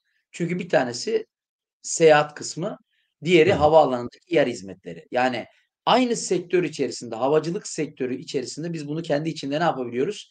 Ayrıştırabiliyoruz. Ama Pegasus, Türk Hava Yolları ikisini aynı anda portföyüme koymam. Ee, aynı sektörden iki tane. Prensip bu bu arada. Portföy disiplini. Hı hı. E, ben de Türk Hava Yolları tarafıyla ilgilendiğim için Pegasus'la yakın zamanda ilgilenmedim. O nedenle yani euro bazlı, dolar bazlı geçen yıla göre daha iyi olmuş mu, olmamış mı ona bakmam lazım. Ama hani Türk Hava Yolları'nda bu e, euro bazlı, dolar bazlı baktığınızda reel bir e, artış orada söz konusu. Ama e, burada arkadaşımızın dediği ne ölçüde doğru buna bakmam lazım. Ama burada şu yapı dikkatimi Vallahi yat- yatır, Ben- yatırımcı sunumdan aldım demiş ama Muhammed Bey şu anlamda hani biz yanlış bilgi vermeyelim diye o hassasiyeti söylüyorum. Tabii Sizin tabii tabii. Yani Yoksa oturup burada hesaplamak zaman alır. Hani evet bakmadığım için ben ama Aynen. şu yapı benim bakın ilgimi çekti. Yani aradığım yapılardan bir tanesi. Hı. Hasılatta bir artış, esas faaliyet karında hasılat artışından daha büyük bir artış, net karda ikisinden daha büyük bir artış. Şu an böyle bir şartı sağlıyor bu. Yani bu, bu bunlar bu tür hisseler benim çok hoşuma gidiyor. Ee, gittikçe e, oranın arttığı yani hasılat, esas faaliyet karı ve net kâra bakıldığında her yenisine baktığımda gittikçe oran artıyorsa e, bu yapıyı beğeniyorum ben e, mali tablolarda. Böyle bir yapısı var aslına bakarsanız Pegasus. Ve hisse başına 90 lira da az değil bu arada. Yani e, kimine göre e, iyi değil deniyor da e, ama hisse başı 90 lira e, şu anda hisse başı 90 lira. Bu rakam e, muhtemelen yılın sonunda hisse başı e, 120 lira civarında olacak. 120 ya da e, hiç 120 olmasa bile 100'ün üzerinde olacak en kötü senaryo. Hani birebir gitmesin. Hadi son çeyrek bu çeyrek gibi olmasın. Ona rağmen 100'ün üstüne çıkacağız. E, 100-105'lere çıkacağız. Hisse başına 100 lira 105 lira kar açıklayan bir şirketin e, 700 liradan işlem görmesi hani e, çok da böyle e, pahalı olduğunu filan falan göstermez. Aksine biraz daha ucuzluk emaresi. Yani Pegasus'un bu kapsamda bir tık ucuz olduğunu e, söylesek yanlış olmaz finansal açıdan. Peki Pegasus'a e, şöyle bakayım. E, FK'sı 5.9 gözüküyor hocam. 6'ya yakın. Evet, evet. Bu arada Defter teknikte bakabiliriz. 2.2. Tamam bakalım.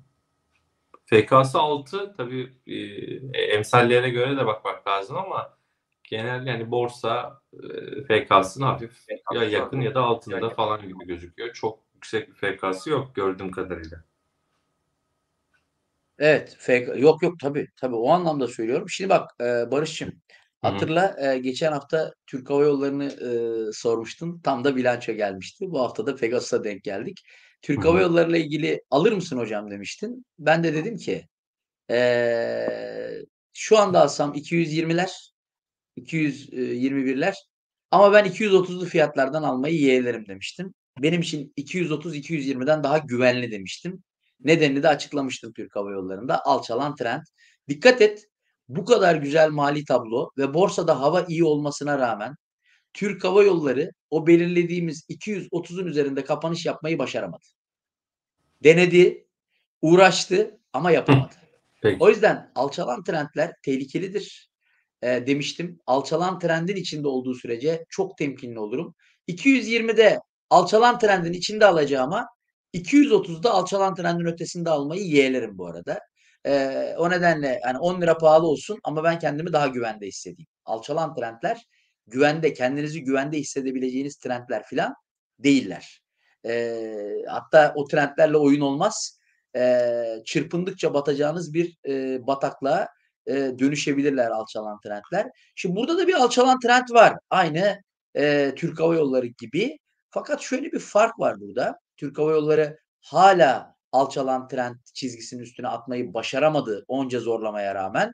Ama Pegasus e, bugün üstüne atmayı başarmış. Onu söyleyeyim. Ve ama birinci gün tabii. Ne konuşmuştuk? Hacim olacak. Hacim var. Ama filtre kuralı. Üç gün alçalan trendin üzerinde kalmayı başaracak. Yani yarın perşembe, öteki gün cuma, perşembe ve cuma günü hala bu beyazla çizdiğimiz alçalan trend nereden geçiyor o? 700 kabaca 750'ler diyelim. Pegasus e, Perşembe ve e, Cuma hala e, 750'lerin üzerinde kalmayı başarmışsa ve hacim de kendini hala koruyorsa evet. O zaman alçalan trend kırıldı deriz ve e, başka bir noktadan olumlu bir gözle daha olumlu bir gözle teknik anlamda bakmaya başlarız. Bence dikkatlice takibe alınması gereken bu bilançodan sonra artı bu teknik manzaradan sonra dikkatlice takibe alınması lazım. İki gün daha biz e, dediğim gibi 7000 net söyleyeyim size. Hani pardon 752'ler 752'lerin üzerinde e, bir iki gün daha dayanabilirse kalabilirse oradan e, bir e, alçalan trend kırılmayla beraber bir yukarı yönlü ivme hareketi Peki. ivmeli bir hareket e, başlatabilir. Yatırımcının bence bu aralar dikkat etmesi gereken bir e, trend kırılımı söz konusu olabilir. Birinci gün yetmez. Çünkü yarın bu çizginin altına inerse bu kez de bunun adı boğa tuzağı olur. Sert düşüş gelir. O yüzden bence şu iki gün Perşembe ve Cuma dikkatle izlenmesi gereken hisselerden bir tanesi. Yeter ki çizginin ötesinde kalmaya devam etsin. Çınar Bey, e, babam canlı biz de üst katta odada izliyoruz diyen kişiyim. Artık hep birlikte izliyoruz demiş. Selamlar, teşekkür ederiz. Aldık mesajınızı.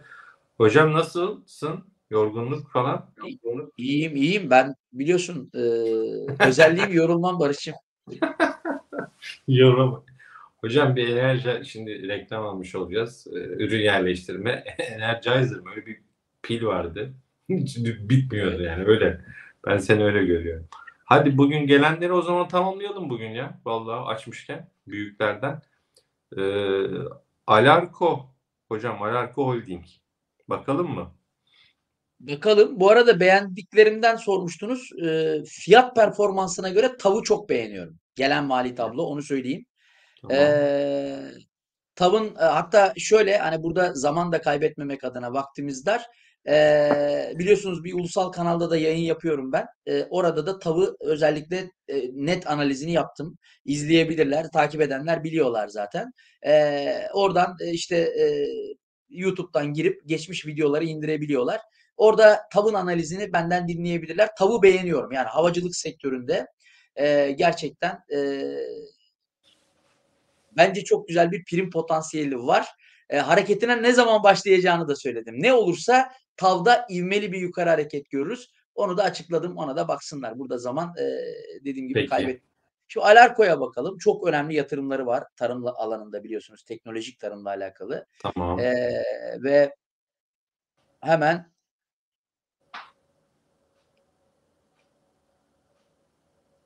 Alarko'nun e, tablosuna hızlıca gidelim. Tabloyu çok e, derin inceleme fırsatım olmadı. E, ama hızlıca bir bakabilirim. E, şöyle geçen yılın aynı dönemini koyayım yine. Ve senin dediğin gibi bir önceki çeyreği koyayım. Gene yanlış koyuyordum. Şimdi doğruladım. Hı hı. Şimdi geçen yılın aynı dönemine göre bakalım öncelikle. Neye bakacağız önce hocam? Hasılattaki artış Tamam. 5 milyardan 6 milyar yani %20'lik bir artış var topu topu. Yani ortalamaların altında olduğunu söyleyebilirim gelen bilançolar içerisinde. Ha. Bir önceki ha 5 milyar, bir yıl önce 5 milyar, değil mi? Evet. Bir yıl önce. Bir yıl önce Bir- bugün. Yani bu, bir bu önceki tablo. bir önceki çeyrekte 3'ten 6'ya Üç. Değil mi? 3'ten 6'ya çıkarınca aslında şöyle yorumlamak lazım. Barış'cığım. Yani Merak çeyreği tekrarlamış. Yani eee çeyreği tekrarlamış. Bir birinci çeyrekte 3 açıklamış. ikinci çeyrekte de 3 açıklamış yaklaşık olarak. Hı. Yani eee, dolayısıyla aslında çeyreksel bazda baktığınızda ortada bir performansı yok. Yani 3 milyarmış. Bir çeyrekte 3 milyar açıklayabildiğini göstermiş zaten. Aa pardon pardon pardon yanılmayayım şimdi. Pardon. Eee 6 aylık mali tabloya bakıyoruz. 6 aylık mali tabloya bakıyoruz. Burada yanılmayalım. 6 ayda 3 milyarmış. Bir Evet. çeyrekte 3 milyar yapmış. Şimdi oldu. Performans iyi. Yani 6 ayda yaptığını bir çeyrekte başarmış. 6 ayda topu topu 3 milyarlık ciro yapıyormuş. Bir çeyrekte geçmiş iki çeyrekte yaptığı kadar yapmış. Aslında ikiye katlamış yani performansı. Böyle bir daha bak. Hocam tabloya aman dikkatli Evet. bakalım. Şimdi Evet, hasılattan bakıyoruz değil mi? Hasılat. Evet, evet, Ocak, Haziran 3.2. evet. Ocak, Eylül sonu 6 gibi gözüküyor. Doğru mu? Bir bakalım. Evet. Tamam. Yani 6 ayda 3'müş. 9 ayda yani bir 3 ay sonra bunu 6'ya çıkarmış. Bak. Şöyle Heh, düşün. Tamam. 6 şimdi oldu. ayda 3 yapıyormuş. Hı. 3 ayda 6 ayda yaptığı kadar bir ciro daha yapmış. Şimdi oldu. Bu performans iyi bir performans. Böyle olunca. İkiye katlamış yani. Hani 6 ayda 3 ne demek? Çeyrek başına bir buçuk demek. 6 ayda 3 demek kabaca Tamam. Kar nasıl hocam? buçuk milyarın düşmesi de. Değil mi? Doğru. Karlılığa bakalım. Geçen seneye göre kötü galiba. Geçen seneye göre tabii 5'miş 6 yapmış. Brüt Geçen o. senenin aynı dönemi 5'miş. Pardon, Ama evet. %20'lik bir artış söz konusu. Hı hı. Ama ama burada önemli olan şu. Bak burada önemli olan esas faaliyet karı geçen sene birmiş. Geçen seneye göre ikiye çıkarmış. Şimdi %100 iki. arttırmış geçen sene. Evet. Ama bu arada bir önceki çeyreğe göre de ağım şahım bir artış yok. Yani bu 2 milyar esas faaliyet karının zaten 1.7 milyarını ilk 6 ayda gerçekleştirmiş. Bir önceki çeyreğe 1.7'nin göre bayağı bayağı kötü galiba hatta. kötü tabii. Çeyrekliğe. Oraya göre bakarsanız kötü. Çünkü şöyle oluyor. E, 1.600 demek 6 ayda 1.600 esas faaliyet karı çeyrek başına 800 demek. E, bu çeyrek 400 açıklamış. Yani o yüzden şöyle düşün. E, esas faaliyet karını çeyreklik bazda baktığımızda performans yarıya düşmüş. Çünkü zaten 2 milyarın 1.7 milyarını bize 6 aylıkta göstermiş bu şirket. Net kâra bakalım. Dönem net kârına. Geçen senenin aynı dönemi 7,5'muş. 9'a çıkarmış. Yani %20'lik bir artış söz konusu burada da. Burada da çok böyle geçen yılın aynı dönemine göre çok şahım bir şey yok. Ama e, bir öncekine göre var. Bir öncekine göre var. Nasıl var? E, bir önceki kar 6 aylık 2023 6 aylık kar 5 milyar. Bu da çeyrek başına 2,5 milyar demek. Yani 6 ayda 5 milyar kar ettiyseniz ortalama çeyrek başına 2,5 milyar ediyorsunuz demektir. 2,5 2,5 ama şimdi 9'a çıktığımıza göre bu çeyreğin net kar etkisi 4 milyar lira. Dolayısıyla hasılat tarafında ve e, şey tarafında e, net kar tarafında özellikle e, çeyreklik baktığımızda bir önceki çeyreğe göre baktığımızda e, belirgin bir e, performans söz konusu. Esas faaliyet tarafında problem var sadece. Ora tam arzu edildiği gibi olmamış. E, peki gelen kar açısından bakarsak e, Üç. yani yaklaşık işte 9 milyar lira civarı bir kar. 3 Ee, falan 400 bekleniyormuş bu arada. Piyasa beklentisi hocam. 3 civarı beklenti varmış. 4'e yakın gelmiş. Sadece Evet Net yani gene gene beklentinin üzerinde. Ya Barış'ım zaten e, şey e, beklentilerin üzerinde geliyor bu arada karlar. Yani hmm, o yüzden de bak e, PD, FK, PD bölü DD yükselmiyor borsada yani. Bak şimdi düşünsene borsa kaç günden beri yükseliyor. Bak açalım grafiği. Endeksin grafiğine bir bakalım beraber. Bak endeksin grafiğine baktığımızda Hı. 1, 2, 3, 4, 5, 6. 6 günün 5'inde borsa yükselmiş. Bak 6 günün 5'inde borsa yükselmiş. FK yükseliş başlamadan önce 6,80'di. Normalinde borsa yükseldiği zaman FK ne olması lazım? Daha da yükselmesi lazım. Düşmüş. Niye düşmüş? E çünkü gelen karların etkisiyle borsanın yükselişi hızı birbirini dengeleyememiş. Yani gelen karlar o kadar yüksek ki, o kadar beklentinin üzerinde ki borsadaki yükseliş dahi FK'nın yükselmesini sağlayamıyor.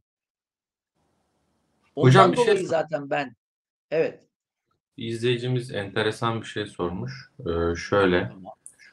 Hocam ya hasılat 6 kar nasıl 9 milyar oluyor demiş. Hakikaten de bakınca tabloya şöyle ee, biz Alarko'yu konuşuyoruz. Hasılat 6 milyar gözüküyor. hasılat Net ha- bak şu, 8.8. hasılat bir hasılat 1 milyarken hasılat 1 milyarken kar 9 milyar olabilir. Diyeceksiniz ki hocam nasıl olur? Ha işte nasıl oluyor? Şöyle olur. E şöyle olur. Yani gelir tablosu dediğiniz şey esas gelirler ve esas giderleri gösteren bir tablo değil ki sadece. Faaliyetinin dışında tek seferlik gelirler elde ettiğinde de gösterilen bir şey. Dolayısıyla şimdi bak hemen şöyle bir inceleyelim bunun. Hadi bakalım. Bak çok güzel. Bu finansal okur yazarlık programı diyorum işte. Değerli izleyiciler. Yani bak Siz de burada soruyorsunuz. 6 değil. Biz de öğreniyoruz. 1 milyar yazsın gerekirse. Hı hı. Bak şimdi bakacağız buna. Heh. Bak şimdi. Öz kaynak yöntemiyle değerlenen yatırımların karlarından, zararlarından şirkete düşen paylar. Neredeyse 7 milyar. Bakın. Bu ne demek hocam ya? Kayn bu ne demek biliyor musun? Hı. Şimdi bak.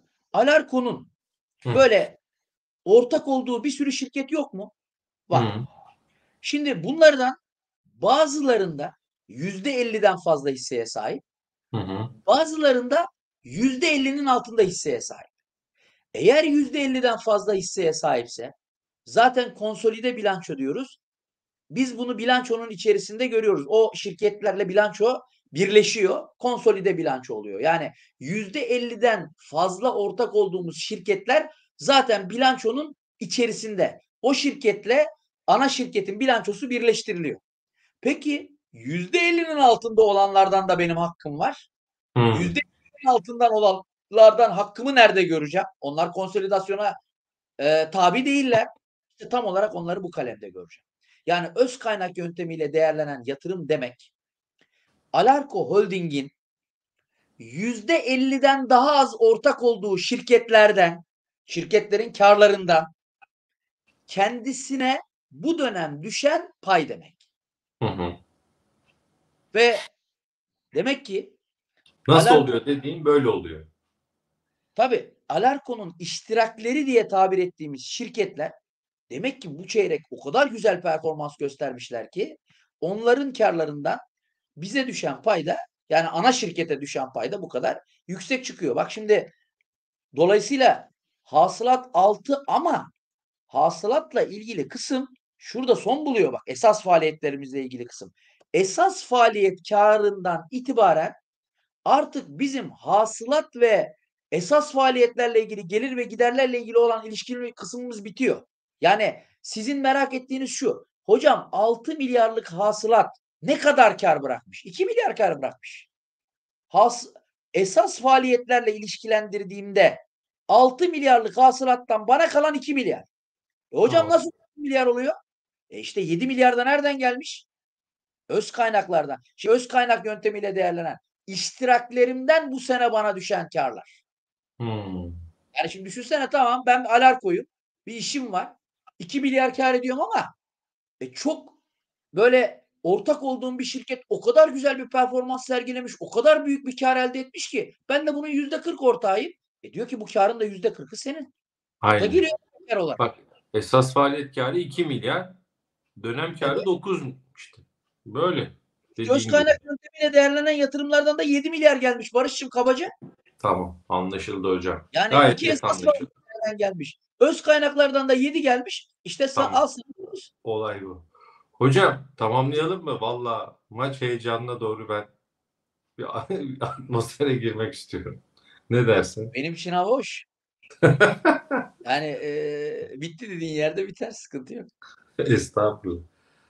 Valla e, fazla da yormayalım. Çünkü 3 saatlik yayına da hisseler kalsın. Şeyli olalım diyoruz. Antrenmanlı olalım. Ya Aynen. zaten Barış'ım bir buçuk saat nasıl geçti hissetmedim bile. Yani 3 Vallahi saatlik yayın bile böyle olacak. İnan ki bir oturacağız. Böyle hoş sohbet, öğreti falan derken e, zaten bir sürü bilanço konuşacağız. Hem benim beğendiklerimi konuşacağız hem e, yatırımcıların sorduklarını konuşacağız. Aha bir bakacağız ki gece 12 olmuş yani. Aynen. İzleyicilerimiz eğer beğendiyseniz lütfen yayınımızı beğenmeyi unutmayın.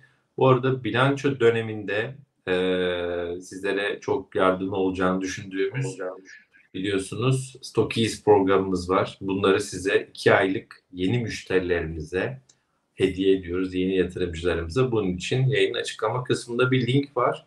Oraya tıklayıp online hesap açılışı yapabilirsiniz. Yatırım finansmanda. Yatırım finansman müşterisi olursanız hem Yusuf Hoca'nın eğitimlerinden bu bence çok büyük bir ayrıcalık yararlanabiliyorsunuz. Hem bu bilanço döneminde hisse analizinde size çok yardım edecek. Stockies Pro üyeliğinde 2 ay boyunca kullanma imkanı sağlıyoruz. Bunun için yapmanız gereken e, açıklama bölümündeki linke e, tıklamak. Bu arada yayın içerisinde mesaj atan izleyicilerimiz vardı. Onları da not aldık. Lütfen bize DM'den ulaşın. Buğra Gizay ve Eşref Karacaoğlu Bey. Hala yayındaysanız, bizi izliyorsanız e, Eşref Karacaoğlu ve Buğra Gizay doğrudan mesajdan, Twitter'dan bize yazın. E, sorunları hemen çözelim, hemen size ulaşalım. Çünkü bazen şöyle oluyor hocam. Yazıyor mesela bir izleyici. Ya uğraşıyorum bir aydır hesap açamadım diyor. Ondan sonra ya bakıyoruz böyle isimde biri yok. Acaba diyoruz hani Nick'inden ismini çıkarmaya çalışıyoruz. Öyle biri de yok. Allah Allah. O zaman diyoruz ki bu kim? Hani yok. Adı masaya yazmış. Atıyorum. Muzaffer Çalışkan. Bakıyoruz. Tüm kayıtlara bakıyoruz. Yok. Muzaffer Çalışkan yok. Ama bize hani doğrudan ulaşırsanız e, DM bölümünden, Twitter'dan ya da Instagram'dan e, hani doğrudan iletişim numaranızda e, döneriz. Boş verin maçı olmaz Allah. Çok önemli bir maç. Valla. Dediğim gibi Murat Saman gitti. Münih'te biz gidemedik kaldık burada. Yengem vizesini alamadık hocam. Ya, Çok güzel. Yengem vizesi var biliyorsun. Bir yengem var. Yengemizin. Yengem vizesi. Peki hocam ağzına sağlık. Çok teşekkür ederim. Aa, valla çok keyif aldım. Ee, yatırımcılara da çok çok selamlar buradan. Ee, inşallah her hafta elimizden geldiğince katkı vermeye devam edeceğiz birlikte. Evet bu hafta çarşambaya aldık. Kısmet olursa o anonsu da yapayım. Yarın e, sevgili Serhat'la buluşacağız araştırma bölümümüzden. Serhat'la e, hocam bu akşam yapacaktık ama bilançolar yağıyor dedi Serhat. Yetiştirmemiz lazım. Ya hocadan Tabii, rica tabii. edelim. E, o da çünkü araştırma bölümü bu hafta bitiyor galiba. Bu bilançoları hele bugün yarın bayağı bir bilanço yağıyormuş. E, onları yetiştirmemiz lazım dedi. Yarın yapalım dedi. Tabii ki dedik. Hocamızdan rica ederiz. Çarşamba alırız. Hocam da sağ olsun kabul etti. Ee, Eşref Bey bir kez daha bize ulaşın. Hani bu adını soyadınız buysa bir kez daha çözmeye çalışalım. Ee, hani gerçek ismini söyle. Bazen farklı nick olabiliyor. O yüzden söylüyorum. Ee, Ankara temsilcisiyle de görüştüm diyor. Çağlar da yayında. Biz de not alırız. Yarın, bir kez daha üzerinden geçeriz. Bir başka izleyicimiz daha vardı. Buğra Bey, Buğra Gizay. Yani çözmeye e, çalışıyoruz elimizden geldiğince. Ufak tefek aksaklıklar varsa da e, elimizden geleni yaparız. Çok teşekkürler hocam. Ağzına sağlık. Ben teşekkür ediyorum. Görüşmek dileğiyle. İyi geceler. Yatırım Finansman